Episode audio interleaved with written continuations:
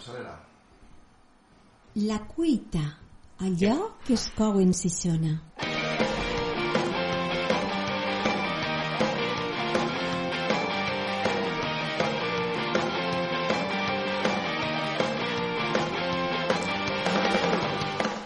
Hola, bona vesprada, benvinguts a un nou programa de La Cuita. Este ja és dels últims de la temporada d'estiu. N'hi haurà que veure si, si el director eh, fa negociacions per a, per a que continuï el programa o com està l'assumpte? Bueno, estem ahí entre, entre cadena ser i cope i negociant per a veure qui es queda els drets, però Molt bé. tot va avant. eh? En Ràdio Maria no va fructificar la No negociació? va fructificar, però bueno, tenim altres alternatives. Vale, molt bé. Carri, bona vesprada de nou. Hola, bona espada, Bernat.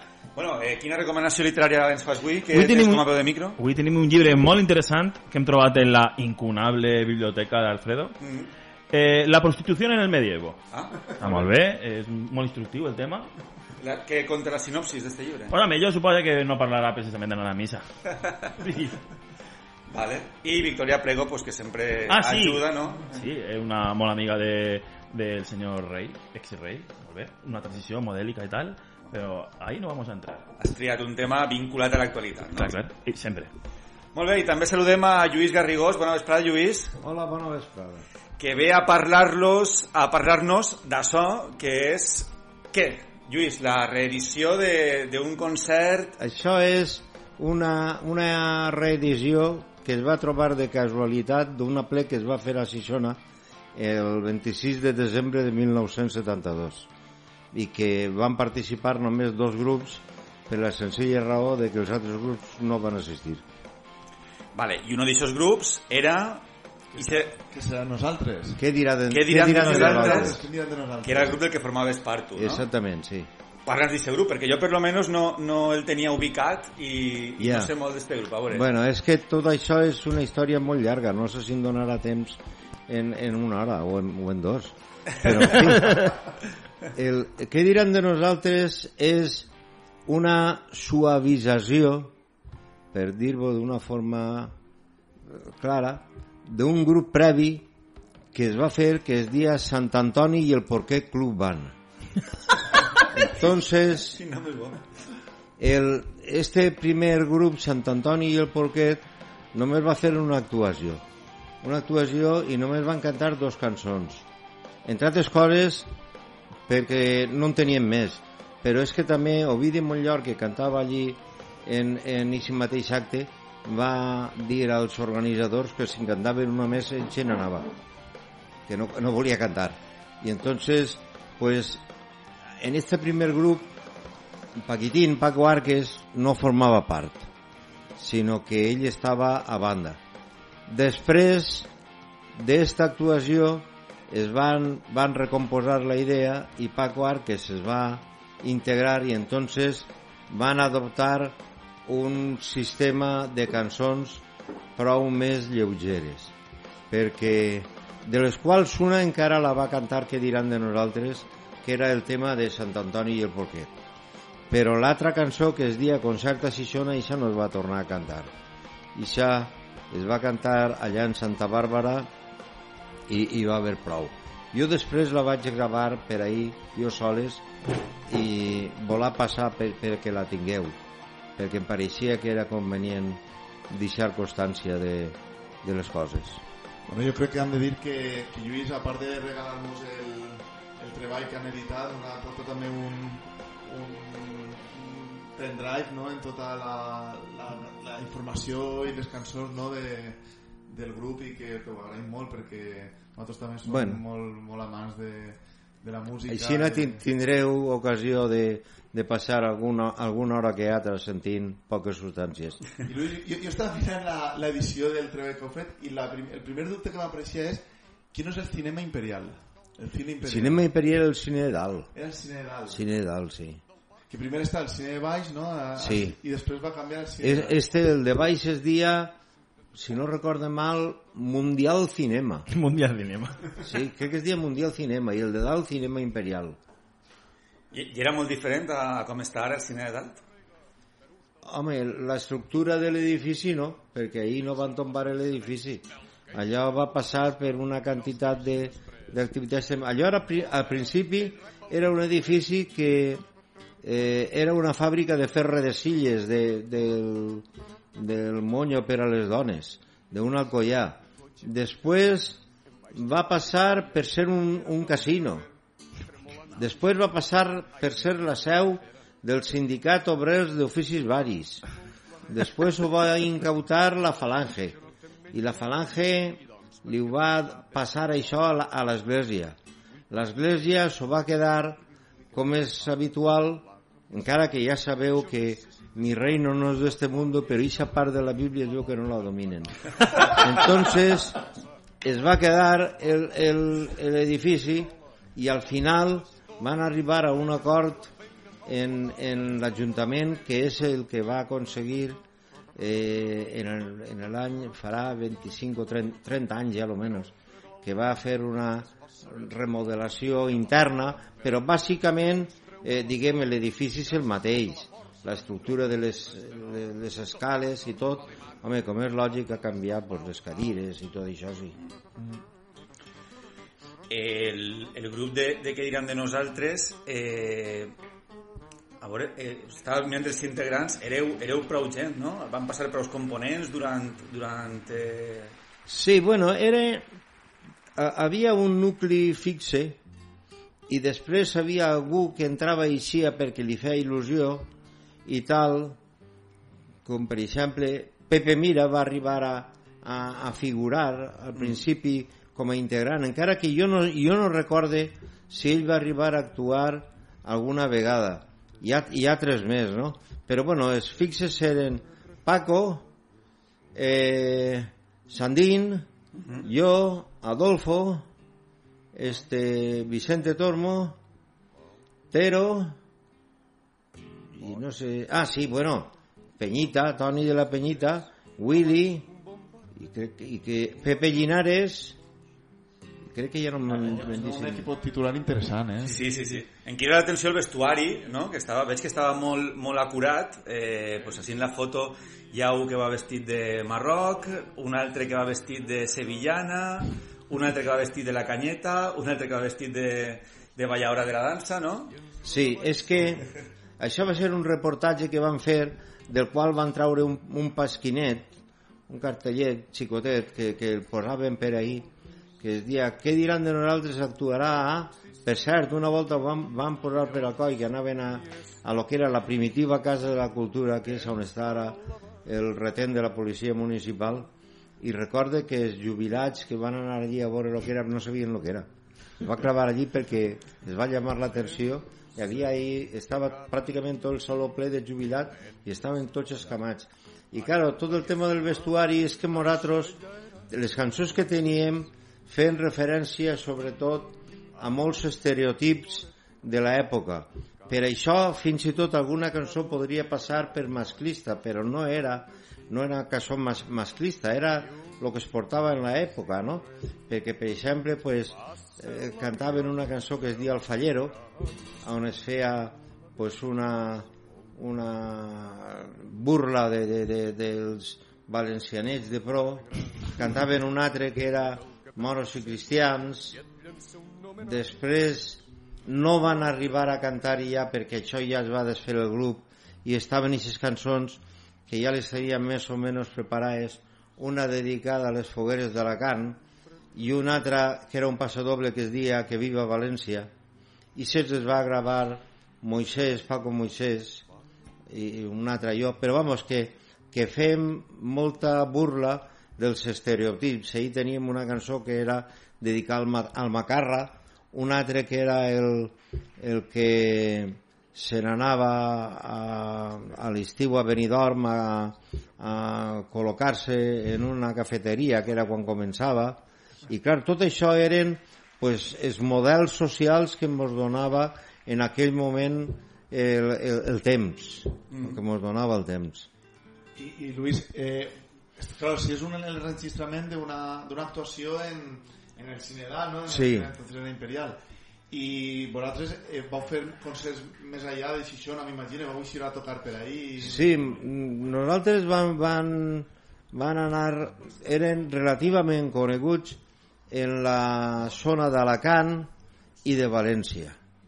d'Alacant i de València. En Alacant pues, jo recorde eh, haver anat a, a Alacant ciutat, a Mutxamel, a Novelda, eh, a Ells. En Ells ens va passar una cosa molt curiosa, perquè totes les lletres tenien que anar prèviament al Ministeri d'Informació i Turisme, que donava el vistiplau, i una vegada en un, en un recital en ells es van censurar totes.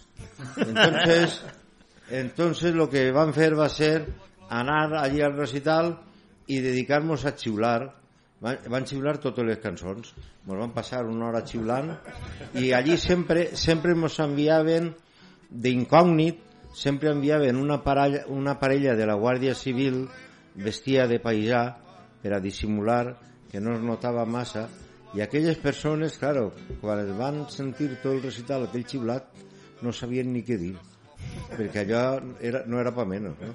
però bé i, pe, i per València també van anar en molts llocs van estar en València ciutat en el Miquelet que van tenir allí una, una xicoteta en, en, en els pavesos perquè li van llevar el protagonisme tal, van anar a Paterna i a varios, a varios llocs més de, de la zona de València T'anava a preguntar de, de quina manera es pot aconseguir el CD, però crec que heu fet una edició limitada, no? Va ser un poquet sí. difícil d'aconseguir. Hem fet una edició de 100.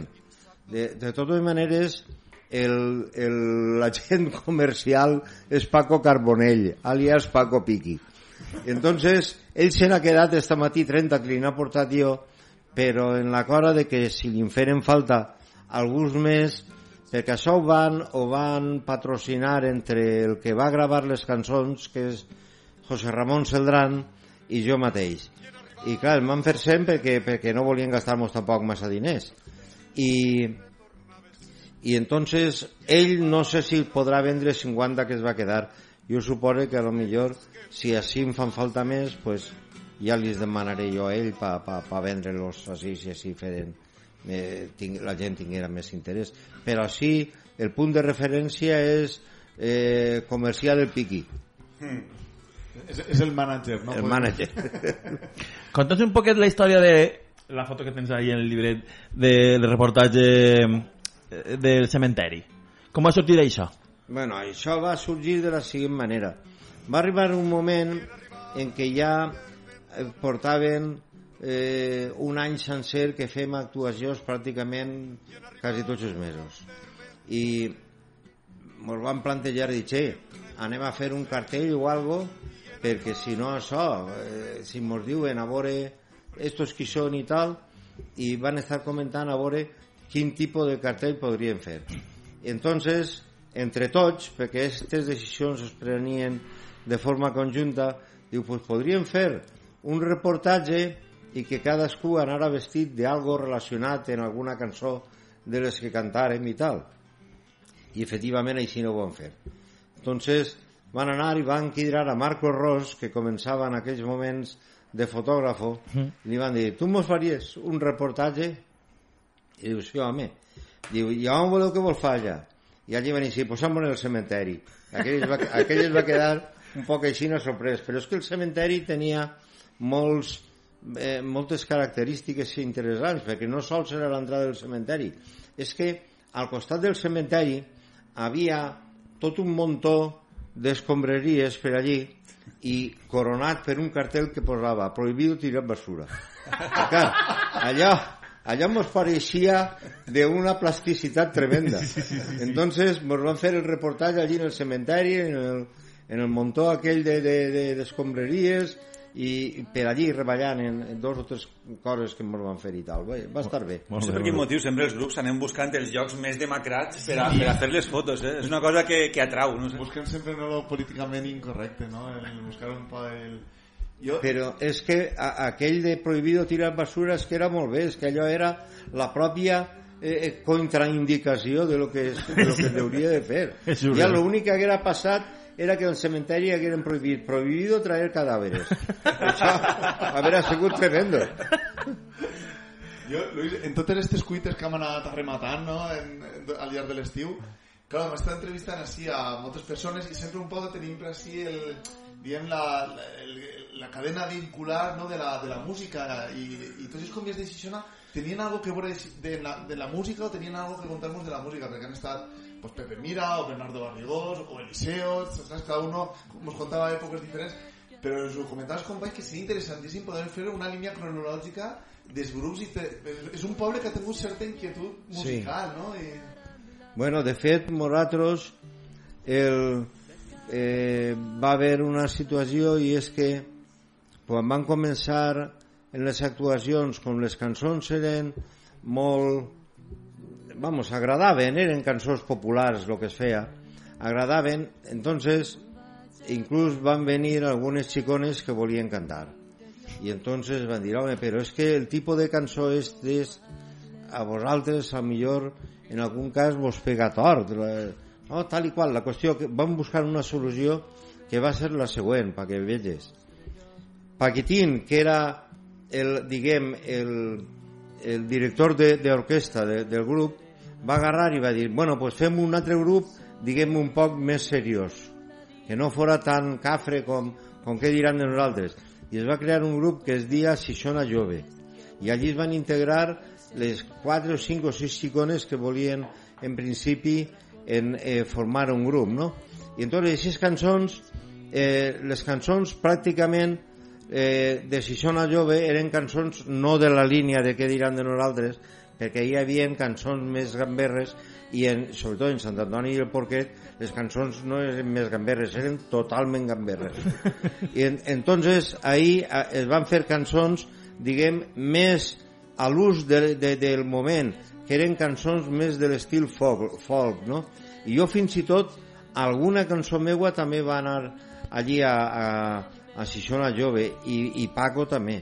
I, i van donar algunes cançons que les van cantar ells Y entonces, de alguna manera, això representa que en Sixón havia un interès per la música fora com fora. Mm. I, curiosament, nosaltres, entenent que no tot el, tot el tipus de cançons que fem nosaltres podria caure bé a determinades persones i tal, pues van decidir fer do, un, un grup, un altre grup, un altre grup que era este Sixona Jove, sí. Sí, sí. Tiene en compte que Paquitín venia ja de un, del primer grup que es va crear en el sentit de, de l'època, primer grup musical que eren los míseros. Eh, jo, no, jo no havia cantat en, en, en cap de grup més. Jo venia d'un altre món. Jo venia de... A mi em va enrotllar prou molt al principi les cançons de, de Raimon, de Pi de la Serra. Jo venia d'Ixe món i havia cantat alguna vegada en algun amic d'Alacant i precisament d'esta de, conjunció d'uns i d'altres pues, va eixir després tot el que va eixir.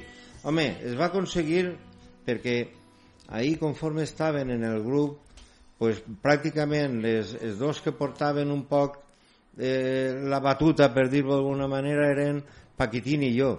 Paquitín tenia una línia melòdica que jo era impossible de que poguera fer perquè ell era un fora de sèrie i tal i jo vaig aconseguir que Paquitín cantara en valencià.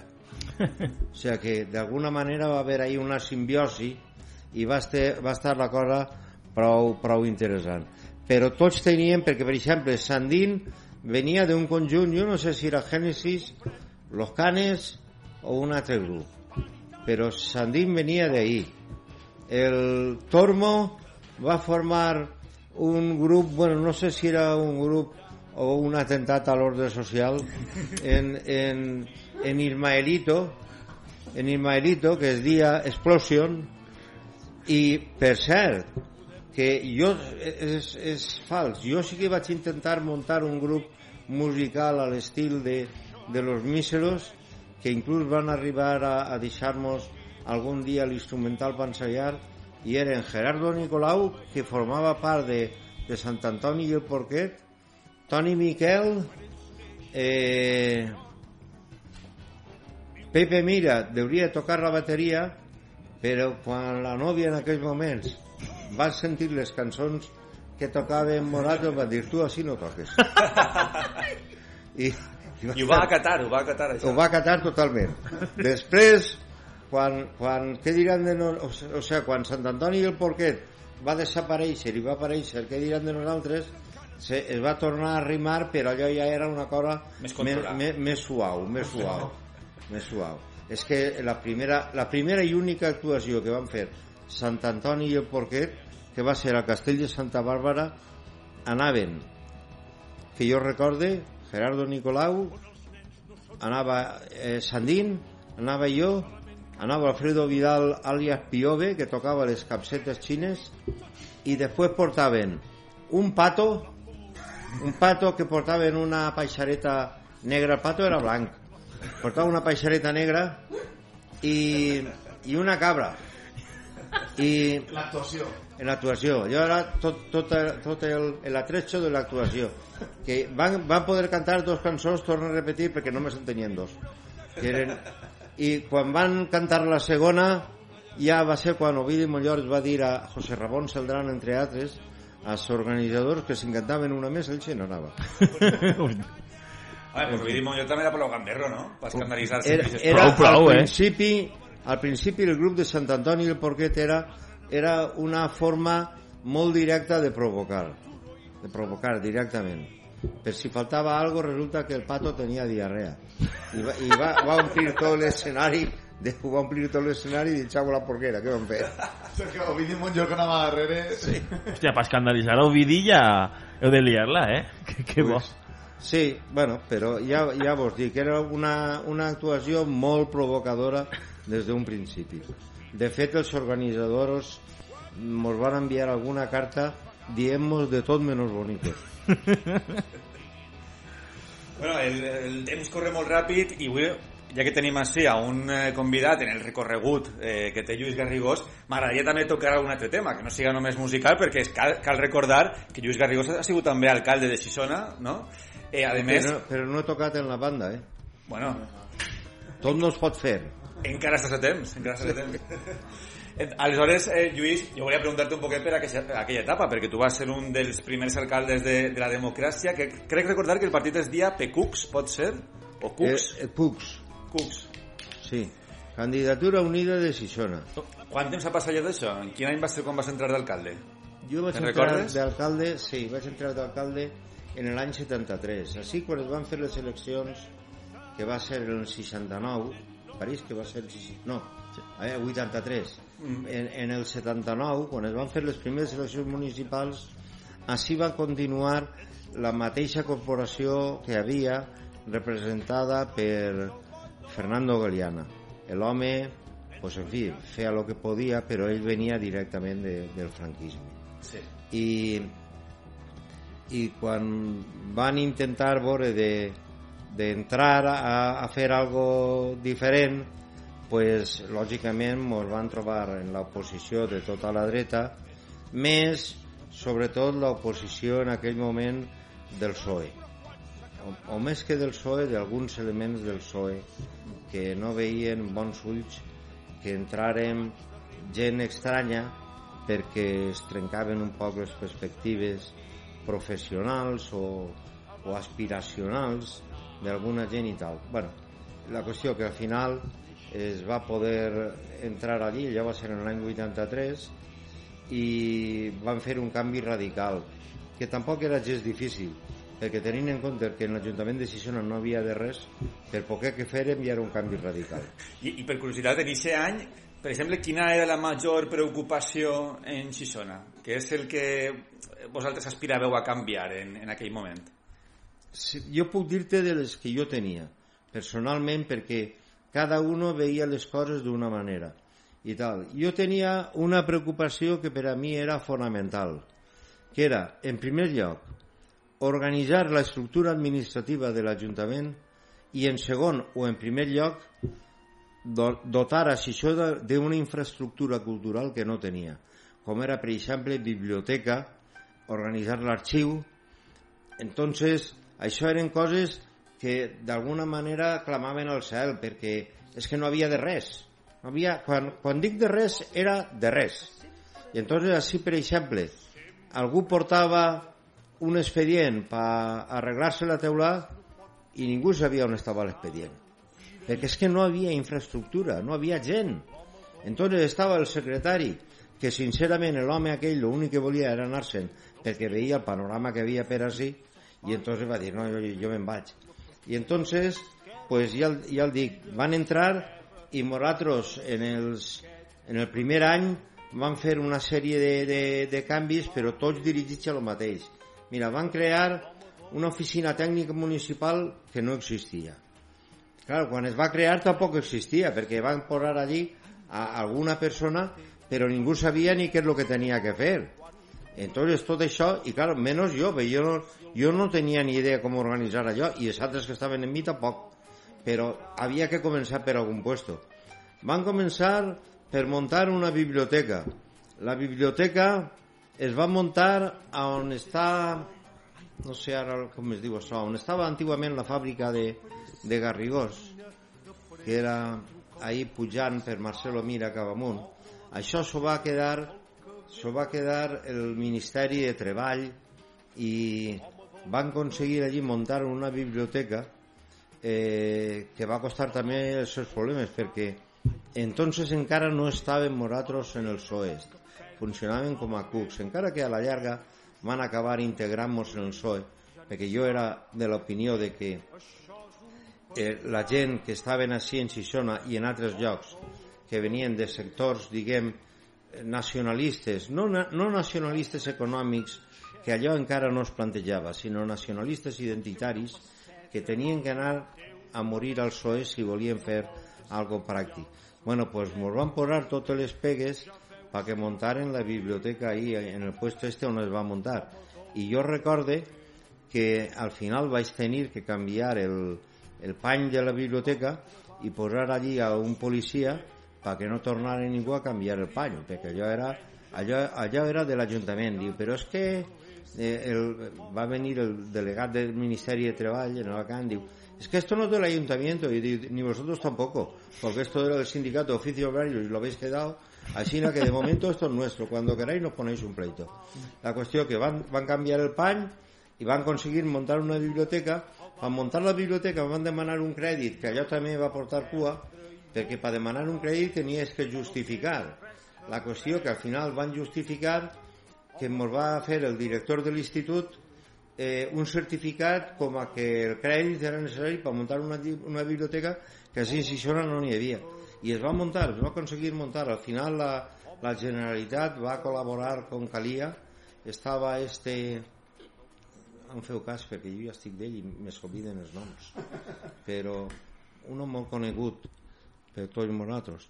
Però en fi, bueno, eh, va col·laborar la Generalitat, es va muntar la biblioteca i van, van eixir, conforme van poder, van eixir avant. Després, pues, bueno, tot això ha anat ja pues, millorant, a poc a poc. Ara crec, tinc entès que l'Ajuntament vol arreglar la casa de Rovira i la casa Arasil per posar ahí la biblioteca, el qual no estaria mal si, a més de la biblioteca, posaren també ahí a lo millor l'arxiu i es poguera això connectar perquè ahí estaria diguem el nucli cultural de Xixona estaria tot junt.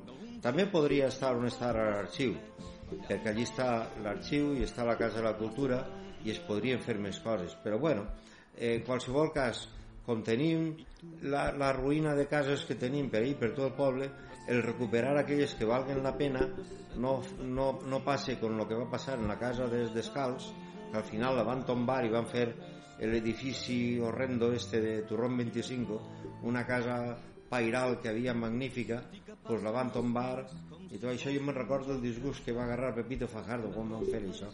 Va estar una temporada que no parlava amb Fernando Galeana per tot el tema este. Molt bé. bueno, Pues anem acabant ja, Lluís, perquè portem ja mitja horeta de, de conversació. Ens agradaria parlar mitja horeta més, però se'ns acaba el temps. Vosaltres sense problema, si algun dia esteu avorrits, jo que ja sóc major ja em passa com els, els abuelos de l'asilo. Us puc contar de tot, menys de la guerra de Cuba.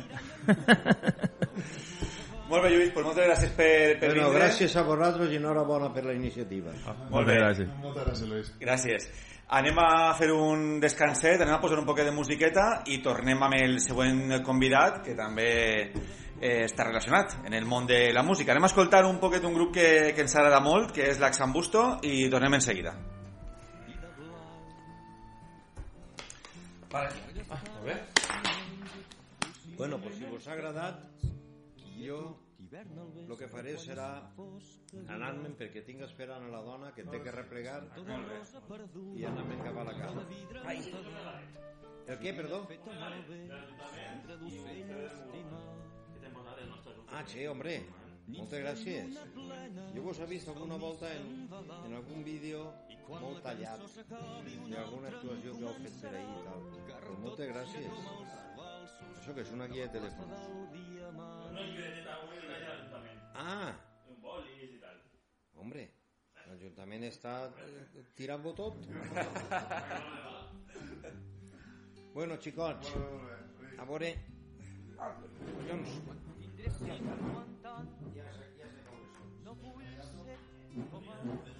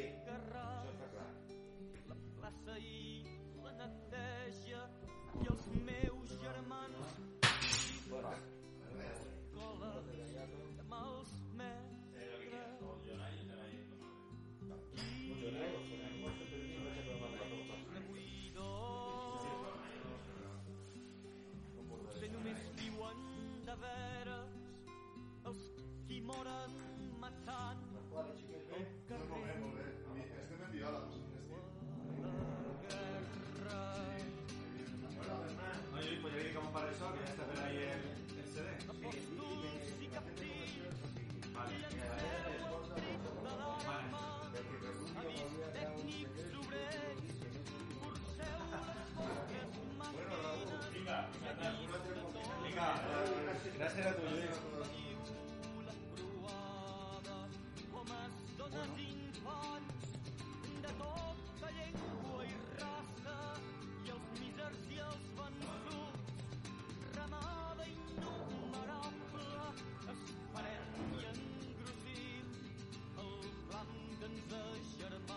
Hola, buenas.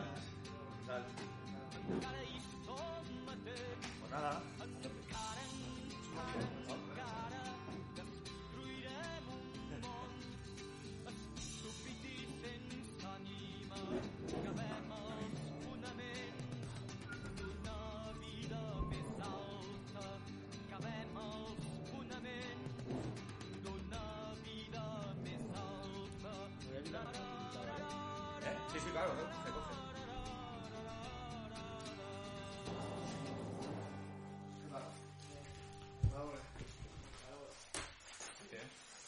Però jo t'ho va tallar, t'estava gravant ahí. Música per darrere no fa falta que em posis. No em poses, no em poses. No em poses. Pe- Però per lo, per lo que el vaig dir, perquè tu la claves per el canal 2, Sí, i és que directament quan em posa a editar, agarro només el canal 1. vale. Perquè si no se'm fo jo. Vale, sí, perfecte. Entonces ho clavo jo directament i així na... Com Mateo, tío. Ve, tío. Yo después del 2000 no tornaba por abrir internet, tío. Qué desastre, tío. ¿Tú quieres ¿Qué tal? Que Han pasado ahora ya de la... Si yo no vengo no. Sí, es. Qué risa, tío. Además, contar lo de... Lo que va a quedar en pilotes. Y esto lo graba, ¿eh?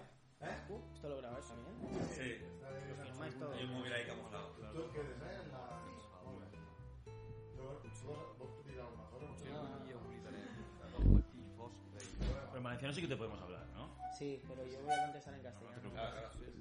Problema. Porque sé, sé hablar, pero hay cositas que... carreteres lent, Entonces, antes de Ah, quedar... tranquilo, tranquilo. Vale, importante, el micro Sí, acércate Vale, vale. mucho, ¿vale? Porque si no se pierde bastante. Ahí iría guay. Ahí, genial. Muy bien. ¿Quieres agua? Vale, caballeros, pues como veo, vos que punchar algo... Vale, ahora comencemos el vestuario. Hostia. Eh, tengo que poner... Vale, vale, si quieres el vestuario ahora. Que- Que el otro día se me olvidó, tío, el otro día. No te preocupes. Yo como me dijiste de trap, de, pues te la paso de trap.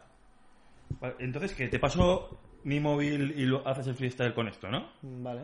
Cuando, cuando queráis hacer eso, pues Perfecto. me lo pongo aquí abajo y supongo yo que se escuchará, ¿no? Sí, claro. Bueno, sí, cobertura.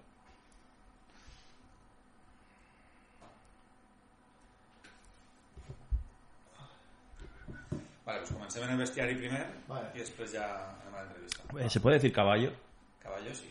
Siempre que te refieras a... Ah, caballo. Mamífero. Bueno, Bueno, después la censura actoral. sí. Vale, eh... Eh, bueno, lo, bueno, lo del jazz lo pone Bernat y tal, ¿no? Sí, sí. ¿El qué? sí. No, Es que hoy es bestiari jazz. pues si pongo una música de fondo, pues si no... Di- Dime qué, qué música quieres que te ponga de fondo. Una jazz. La- Pon jazz, la que Sea sea. que sea. Vale. Vale, posem Rock, eh? Sí. Posem la, la això per fer alguna cosa, perquè tu tingues indicació de... Vale. Vale? Bestiari rock. L'Axan Busto, un grup que en una sòlida trajectòria eh, i que, bueno, té relació amb Mugroman perquè ahir és on es va gravar el disc eh, Sol d'hivern, no? El disc Sol d'hivern i el disc Volen Més. Els dos discos es van gravar, veritat. en, es van gravar en, en l'estudi La Casa Murada de Jesús Rovira, Sí. baixista de l'Axan Busto. I la veritat és que una gran experiència, eh? Experiència xula, eh? Després quan han tornat a qualsevol altre estudi és incomparable perquè, perquè clar, entres al final són, és com una pixera, entres a un antro no? I, i ho compares en allò que és una masia de, que té de la familiar en una, té una capella del segle XIII una cosa interessantíssima, interessantíssima. Ahí vam aprendre una gran lliçó que va ser quan tinguis un lavavajilles no claves mistol mega de, de la càpsula del lavavajilles. Sí, no, no sustituís que es más, la cápsula no. de la que es mi historia. La obviar, ¿no? ¿Qué va a pasar? Sí. Pues, va a acabar la, la, fiesta de la espuma. Con, con la, con, la, con la rana que estaba por ahí en Justin Square para abrir, vais a ir de ahí con dos o tres tonellas de, de espuma. Vam aprendre musicalment moltes coses, però això, eh, la lliçó més important. Bueno, eh, anem en anècdotes encara més curioses, que són sí. les que ens porta sempre Carri, en una secció que habitualment es diu rock. però que avui parla bàsicament de jazz. La secció camaleònica, perquè anem manejant-vos un poquet, el pivote, a mi pivotejant del rock i altres estils musicals, un poquet. Avui anem a parlar de jazz. Jazz, una música, diguem que a hores d'ara no molt popular, però molt important, perquè és l'arrel de quasi tots els estils que estem treballant ara, el rock entre ells, blues, etc. Vaig a fer-ho curt i vaig a parlar dels meus tres eh, músics favorits de jazz. Comencem pel Tenorius Monk. Tenorius Monk. un, un gran, un gran pianista Sí. Una persona que si no haguera après a tocar el piano probablement haguera acabat en sa casa mirant la tele, en sa mare, en una manteta, perquè la veritat és que l'home, sense entrar en especificacions psicològiques, no estava molt bé. Pràcticament no podia parlar, tu parlaves en ell i era era un murmull molt estrany damunt el seu estil de música era molt peculiar perquè era un caos eh, genial val? el tio que feia era fer notes discordants notes que si tu toques el piano per primera vegada dius, això estan fent mal però tio ho feia mal però quedava molt guai Mm. també tenia un estil molt percussiu, diguem. Moltes vegades pareixia que no estiguera tocant el piano, pareixia que estiga pegant-li colps a un tambor. Bueno, eh, si voleu aprofunditzar en Thelonious Monk, ho escolteu. Jo vull incidir en una anècdota molt guai que té el tio, perquè resulta que el tio... Ah, ah, El posem de fons? Eh, no? Sí, molt bé. De fons Perfecte? Vinga. molt bé. I resulta que l'home sols volia menjar cervell de pollastre. era el seu menú Dieta mediterrània. Sí, clar. En els anys 50 va començar a tindre prou èxit mundial i el van convidar a tocar en un festival de, de París. Eh, van anar a un hotel de luxe, ell que estava acostumat a viure en, en garitos xunguis, i va baixar a l'hotel, al restaurant de l'hotel, i va demanar eh, el servei de pollastre. Clar, se'l van quedar mirant encara molt rara, es va bromar molt, molt, molt, i se'n va tornar a la seva habitació un tio amb 40 anys, eh, a les 11 del matí, es va tapar en els llençols del llit i va dir jo d'ací no hi si no em doneu servei de pollastre. Segur que tenien escargots, però no tenien servei de pollastre. Efectivament.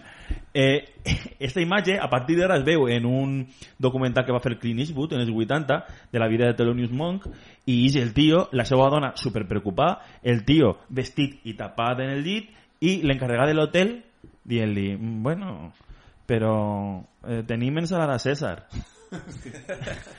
I el tio, i, du- i du pollastre?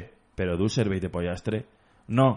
Mm, Es tapava la cana del llençol No, jo dir-vos que el, el documental este que diu Raúl que és fabulós i que és que a més té imatges reals de, de, Teleno- de Telonius i que és, és increïble, és un tio a més amb molta dificultat per expressar-se i això i la pena veure-ho. No sap parlar i així una imatge del documental és el seu representant i resulta que és una, en una enciclopèdia començava a eixir en, en les enciclopèdies en, al final dels 60 i el tio començava a parlar i, i no se li entenia res o sigui, pràcticament no sabia parlar els músics li preguntaven però avui, què toquem? i començava i es quedava mirant-se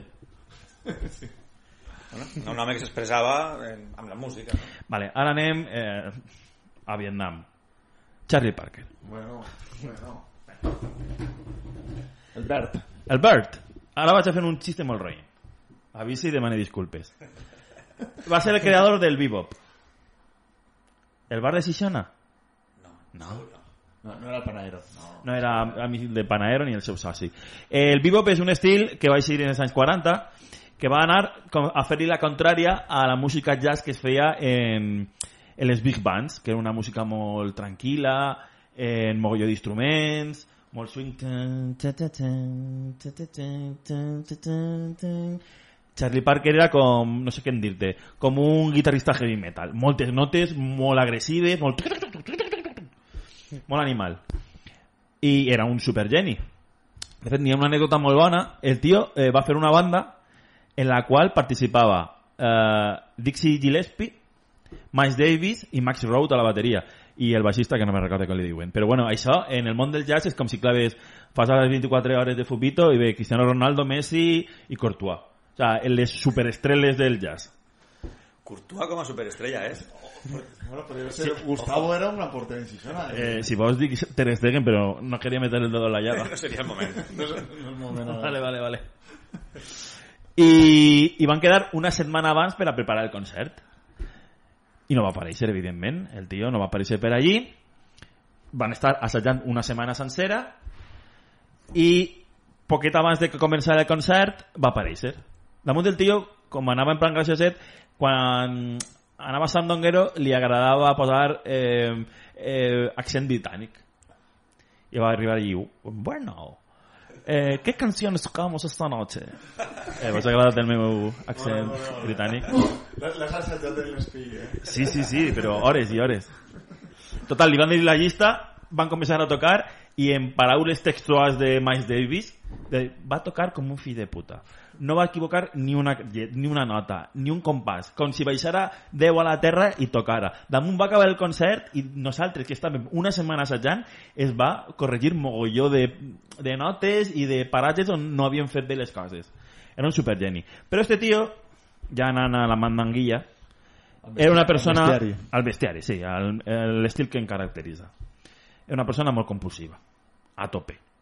Este home eh, li agradava el matrimoni i es va casar cinc vegades. Eh, va començar a tocar el saxo i tocava 15 hores al dia. Li agradava molt menjar? pues es menjava 20 hamburgueses al dia i picotejava pollastre fregit, que de fet diu molta gent que li diuen Bert, era el seu apodo, perquè està tot el dia menjant gallines. N'hi ha altra, una altra, altres persones que diuen que una vegada va anar a atropellar una gallina i li va dir al conductor eh, torna que l'agarrem i me la menge. I també, eh, evidentment, eh, era molt compulsiu donant-li a les substàncies prohibides, Psicotròpiques? Sí, eh, il·legals. I va tindre un final molt irònic. Molt, molt irònic. Una vegada el van agarrar en un concert, venia perquè li agradava molt anar en taxi. Anava en taxi sempre, dormia en els taxis, i un dia anava a un concert, estaven esperant a la porta del, del garito, van obrir la porta i el tio estava en una botella de whisky a la mà dreta, en l'altra mà estava menjant pollastre mentre estava fent l'amor amb una xica. Digan que a todo lo que daba. A tope. Això no sé si passa la censura de la cuita. Home. Sí, ara com ja estem en els últims programes, ja dona igual tot, ja no hem de demostrar res. Allò més irònic de tot és que el tio es va morir per beure aigua. Va arribar un dia, en 34 anys, l'home es va morir molt jove, que per cert, quan li van fer l'autòpsia, el tio, el policia, en l'informe va posar persona de 60 anys eh, morta, perquè pareixia que tinguera 60 anys de tant que havia donat la canya a la seva vida. Es va fer un got d'aigua molt freda i li va donar una hemorràgia estomacal. No van anar al metge, el van enviar a casa, va estar dos dies eh, prou malament i mirant el pato Donald li va donar un atac de risa i li va donar un infarto. O sigui, després d'una vida de radical d'abusar, es mor per beure aigua i per mirar el pato Donald. Bueno, i l'última anècdota, que per cert me la va contar Pascu una vegada, és la- és l'anècdota mítica de Miles Davis en la Casa Blanca. Eh, en els anys 80, quan estava Ronald Reagan eh, de president, van fer una, una recepció a músics famosos que havien triomfat molt en el món de la música, americans i tal. Total, que arriben allí... ah, Bueno, primer que apareix el tio en la Casa Blanca en uns pantalons de cuiro, en dos chalecos i en una chaqueta en una serp vermella en l'esquena. Clar, Que donava molt la nota. En això que arriba la dona de Ronald Reagan, que es diu... Nancy, Nancy Reagan. Vale. Arriba Nancy Reagan, que no el coneixia, s'apropa a ell i li diu "Ah, i vostè què ha fet en la vida per estar així en una recepció tan important de la Casa Blanca? Clar, el veria en la pinta que duia i diu, igual s'ha colat així. És possible. El tio, que tenia una mala llet impressionant damunt, es gira i li diu "Mm, senyora, jo he canviat la història de la música sis vegades. Eh, bueno, I vostè què ha fet així per estar així a part de tirar-se al president dels Estats Units? Ah, un tio simpàtic. Tio, a mi no me las con queso. Afable, sí, sí. I res, fins així el, el bestiari jazz. Molt bé, molt bé. Molt bé, fantàstic. Sí, quines coses s'entera uno, eh? Sí. Bueno, anem a parlar ja amb el nostre següent convidat, que ja el veieu així. Anem a parlar de la seva música, que sona així. Així posarem un vídeo. Vídeos que despenjats per ahí per YouTube, no? Ahora cortamos y activa un vídeo de YouTube. Ah, vale, perfecto. Vale, doncs ja comencem directament, no? ¿Vols algo de patrocinio? No se olvide. Et clavem ara? Vale. Sí, però bueno, no, no fa falta que el poses. Ja l'enganxo després. Molt bé.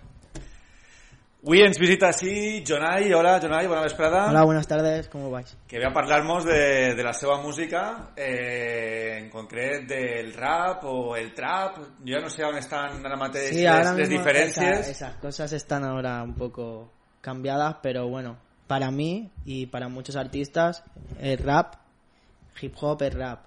Y el trap, nosotros decimos el rap actualizado. Mm.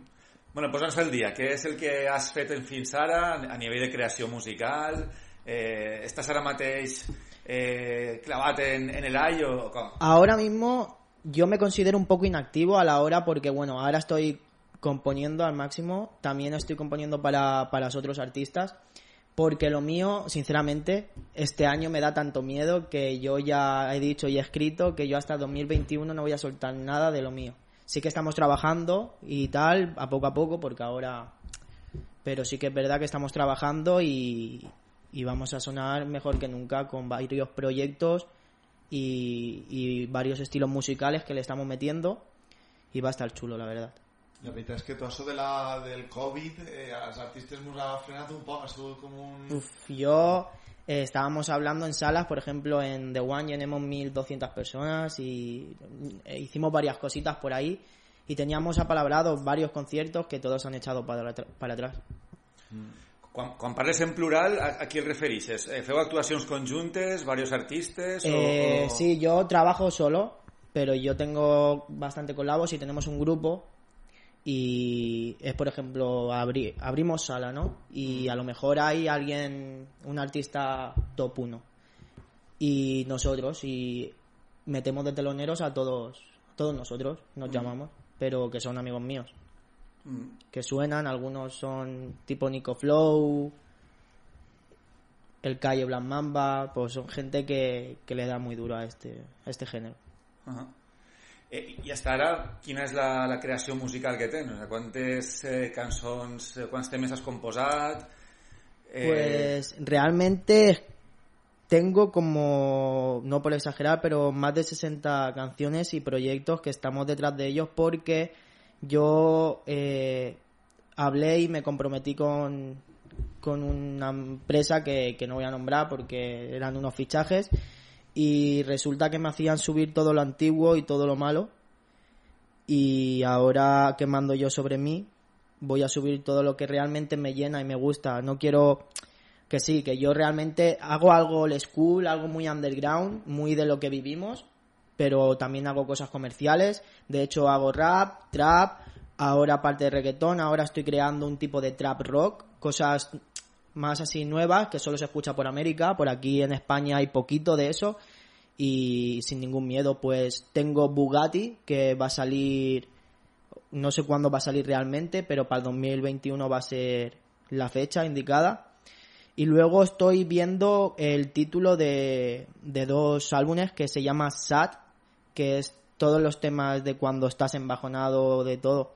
Y lo de Trap Rock va a ir justo en Sad, que es así algo tipo Lil, Lil Peep o tipo Kurt Cobain cuando estaba en sus peores momentos, pues va a ser rollo así. Y luego tengo algo que no sé si es nazareno o cómo va a ser, que va a ser de lo que ha sido mi vida, que se basa de un chaval que empezó bien, ignorante en la vida, risas, que la vida lo puso en malos momentos y que el chaval a poco a poco ha ido tirando, tirando hasta que quiere conseguir la luz y no para, ¿sabes? Va como que ha estado en sitios malos, que ha probado cosas y ha intentado salir de todo, ¿sabes? Y ha llegado a la luz pues como seguimos en el progreso, seguimos en el progreso de este álbum, que este para mí es lo que más me, me llena, ¿sabes? I com és eh, la dinàmica a l'hora de gravar un disc? Perquè nosaltres en Mogroman tenim el rollo de primer gravem la bateria, baix, guitarra, eh, arreglos y tal. ¿Cómo fue un estudi d'un disc trapero? Eh, realmente yo, el mío es el típico, como el típico garaje cuando empiezas con ganas, que eres joven, como Steve Jobs y, y pues algo así o en tu propia habitación. De hecho, sí que tenemos estudios tipo Hype, que le doy un, un saludo a él, que es una máquina, es un estudio profesional. También Nomo, que tiene su pecera. Pero eh, realmente, eh, por eso ahora quiero tocar con gente de rock, tipo Satoka, porque ese instrumento sí es lo que a mí me gusta, ven movimiento, ven música. Lo de ahora es, tú llegas y ya no son platos, ni, ni scratch, ni... Ahora llegas, te hacen un beat, que es todo técnico, a dos botones, un bombo, una caja y un hype o lo que sea. Tú le metes y te graba. Que quieres sonar bien o que no cantas bien, ahora se pasa a lo del trap, que le decimos tal, te ponen un tono de autotune y a darlo todo. Tengas la voz que tengas. Y, y así realmente va, grabas, en- tú puedes grabar aquí mismo, tal y como estamos, tú puedes grabar aquí mismo. Luego haces una masterización y le pones un, to- un tono de autotune Mm. y ya está. Así se graba realmente. Sigui que a l'hora de gravar un disc professional sí que aneu a estudis estàndard. Claro, claro. Cuando tú llevas algo más profesional, eh, sí. De hecho, hasta la fecha eh, hemos estado en dos así más profesionales. Pero lo que te estoy diciendo, eh, yo el año pasado, el anterior, eh, aporté en Cebao, que ahora lleva casi 3 millones de visitas en, en YouTube. Esa canción y esos chavales, son amigos míos, eh, graban en su habitación. Los chavales se tocan ellos la música y tal, y luego se lo rulan al hype. Le pega una masterización, una tona de autotune, un tono, Mm. y soltar la canción. Van por... Sí, És, una cosa curiosíssima perquè, en, perquè la, les, les tecnologies com han arribat per a, a la música per a, per a quedar-se eh? i, i clar, un poc eh, eh, d'alguna forma capa al, a la part humana no, de la música perquè a nosaltres, precisament Raül que toca la bateria i el baix són dos instruments que més fàcils són de substituir en, a l'hora de gravar un disc que moltes voltes dius, ostres, realment el que jo faig ho pot fer un ordenador molt més milimètric que jo, saps? Molt Sí, més, con un metrónomo, pero también es perd el feeling humà, ¿sabes? La, imp- la imperfección humana también es importante. Ahora mismo no sé cómo se llama, es un chico asiático, para mí el mejor bajista del mundo. Eh, no, no me acuerdo ahora muy bien su nombre. Ese estaba colaborando, iba a colaborar con Tech Nine, que son unos raperos americanos, para los bajos. Esa gente para mí se merece mis mayores respetos porque hace su música con instrumentos y las hace como antiguamente, con scratches, alguien en los platos que te haga eso y instrumentos que te hagan eso. Pero yo realmente lo nuevo de ahora, por eso yo me quedé flipado. Nos, no, me, me llevaron a un estudio de una rock band, no me acuerdo cómo se llamaba. De hecho, hay un chico de aquí, de Gijona, Víctor Gadea. Estaba metido por ahí y yo me quedé. A mí me llenaba ver como. ¿Sabes? Me, me llena ver como instrumentos y tú fluyes ahí, tu música, ¿sabes? Entonces ahora me he enfocado en eso, quitando los proyectos que os he hablado, para pensar en mi futuro quiero tener un equipo de pues un equipo con instrumentos que, ¿sabes? Para que en los directos lo que parlaven és increïble Xixona, eh? Una, una cuna de, de projectes musicals i de la quantitat d'activitat que hi ha al voltant, eh? Però no heu tingut encara molta, molta visibilitat, no? Els, els rapers de Xixona, així en el poble, vull dir. No sé si és perquè potser vos, les Eh, lletres són eh, un no poc sé, mira, agressives no sé, i... eh, Eh, no sé, a, a, què, a què ho atribuïssis, això? Eh, bueno, vosotros sabéis que, que esto es rap, que, que no, no estamos cantando canciones para, para tomar la siesta o para... Que realmente esto tiene un tipo de público. Y a- gente así que yo, por ejemplo, estoy soltando álbumes, sí que quiero hacer algo para todos los públicos. Pero el rap realmente es lo que uno tiene dentro. Y si yo, por ejemplo, aquí en Gijona, sí que me han dicho, estos chavales están tal, pero yo aquí yo valoro a, a Calle Blan Mamba, que es un chaval con el que empecé aquí, y un chaval que le está dando ahora, que le decimos Piriel Largo, o Piriel Sucio, o Piraña, como sea, se sabe, y le decimos de todo, eh, lo valoro, pero sí que es verdad que, por ejemplo, yo he sonado en batallas, tipo calle igual, y empecemos a sonar. y Yo, yo llegué a, no es por decir nada, yo llegué a, a llegar al punto de que nos llamaban para salas, de que me llamaban para colaborar, de que Clipper, Spanish Passions, eh, marcas ya te, te daban y te ofrecían. Llegué al punto, lo que pasa que me, me embajoné, ¿sabes? Me vi, conocí realmente, es que es eso, yo conocí realmente como la música y que no es disfrutar, es hacer esto números. Y me embajoné un poco hasta que dije, mira, hasta que no esté, en- hasta que no me encuentre yo realmente, eh, no voy a empezar, ¿sabes? Yo quiero hacerlo con mis amigos, no quiero hacerlo con gente que realmente no conozco y que te dice firma esto y yo no voy a firmar si no lo leo y o alguien que entienda. Es que es eso y es rap. Nosotros estamos en la calle. Yo al menos yo te puedo hablar de lo que he vivido, o sea, mi música realmente es o lo que he vivido o, o una historia que te cuento que ha sido real. No te voy a contar algo, eh, vamos a juntarnos y vamos a hacer una canción. Vale, ¿de qué hablamos? ¿Sabes? Es lo que sientes lo transmites. Quasi, no? Claro. Al final de la cançó Frozen eh, fas un homenatge ahí a Extremoduro molt xulo. Sí, sí. Eh, a banda de... Eh, Jonai, què escolta? A banda de trap, rap, hip Eh, hop? rock, tío. Eh, Robert es... Iniesta está loco, tío. Ese hombre es, no sé, Kurt Cobain también. Es lo que me llena. Es que realmente yo rap y español escucho un poco. Como mucho Big Pun y gente americana. Mm. Tupac.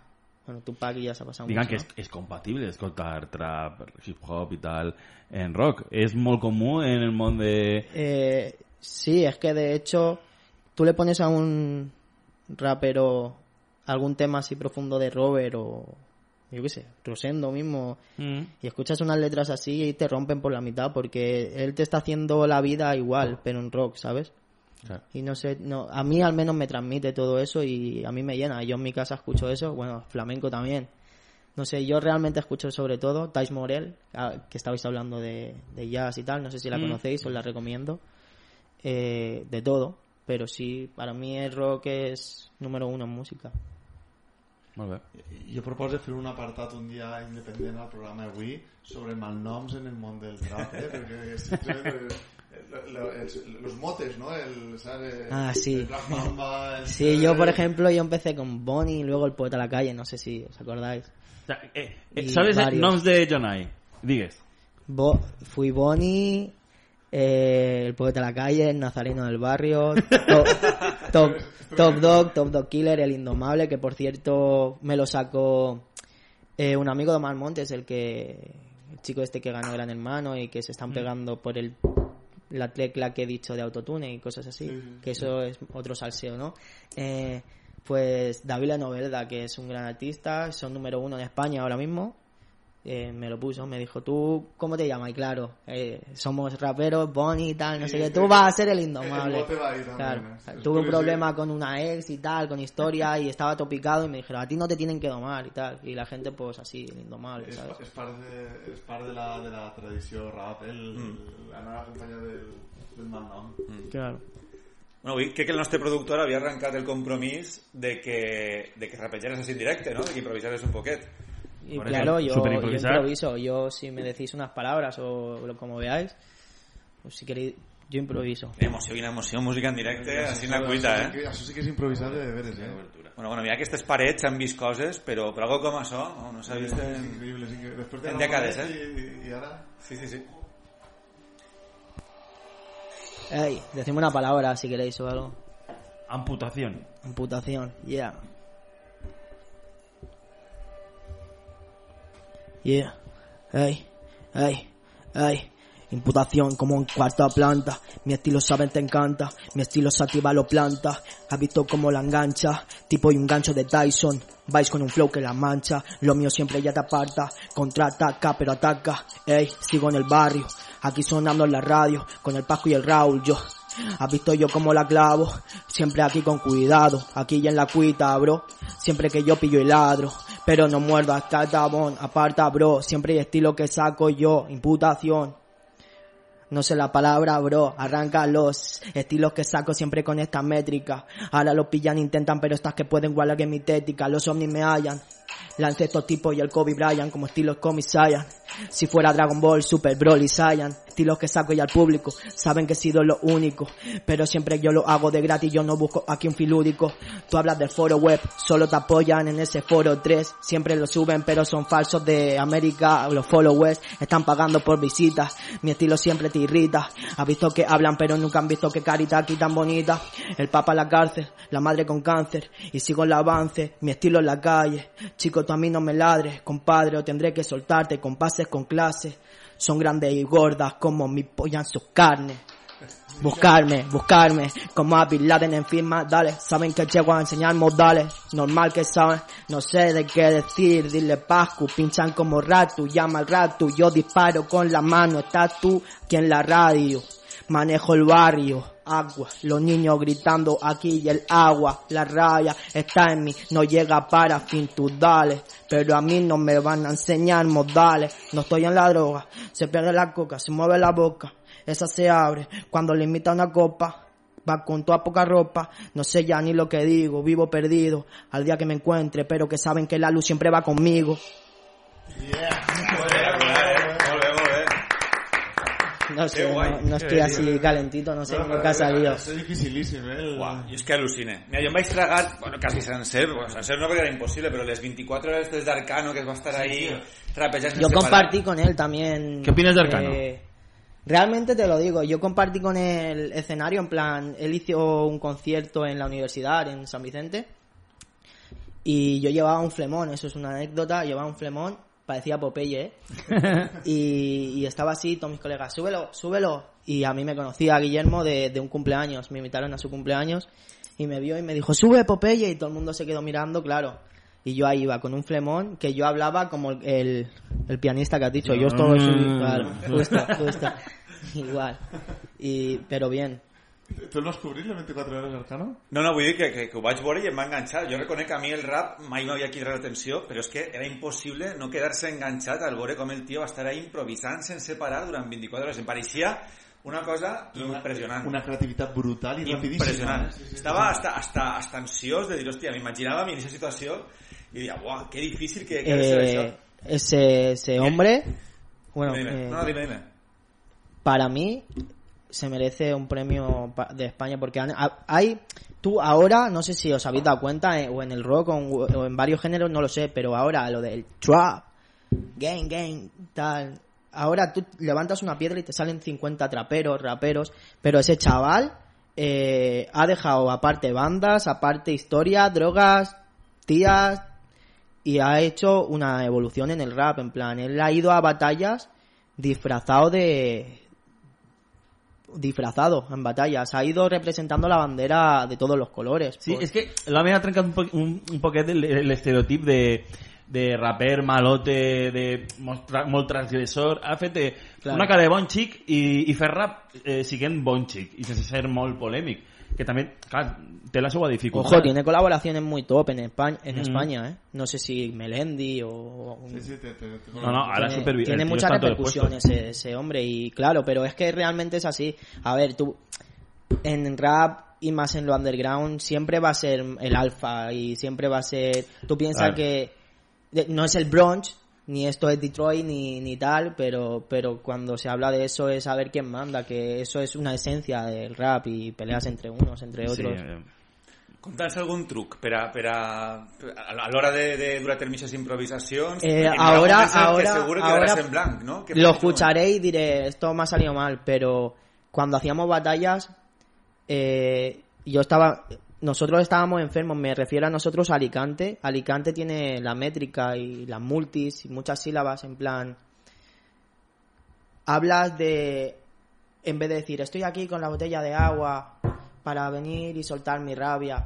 hacíamos lo, tipo, no sé lo que he dicho antes, de los ovni- ovnis me hallan, Lancesto como Kobe Bryant. Esto es hip hop, pero si fuera Dragon Ball seré como Broly Saiyan, que eso es, es mío de, de una batalla, que creo que lo he repetido antes y tal en el free. Pues esas movidas eh, era leyendo. Leye- a mí yo leía, leía mucho, pero no tenía ning- yo no practicaba, no practicaba. Iba a batallas y tiraba la rabia y no sé por qué te salían las multisílabas. Porque aquí en Alicante te lo aquí en Alicante muy muy buen rap. Muy muy buen rap. Jolín. Jonai. Molt bé, molt bé. Pues res, Jonai, eh, arribem ja al final del programa. Vale, perfecte. Moltes gràcies per, per vindre. Igualmente. ens permet descobrir algo que jo crec que tant nosaltres com la resta del poble desconeixia prou. I enhorabona per la teua carrera i que seguisca. Eh? Que- Que no que més sigue. moments de no, no, aún no ha empezado, aún no ha empezado. Ahora empezará bien. Bueno, gracias a vosotros.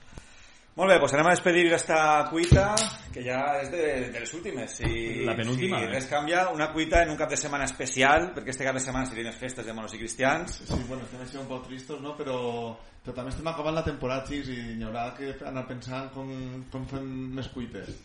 Pues sí, que la cuita no pare. Pues res, eh, acabem per avui. Moltes gràcies a tots.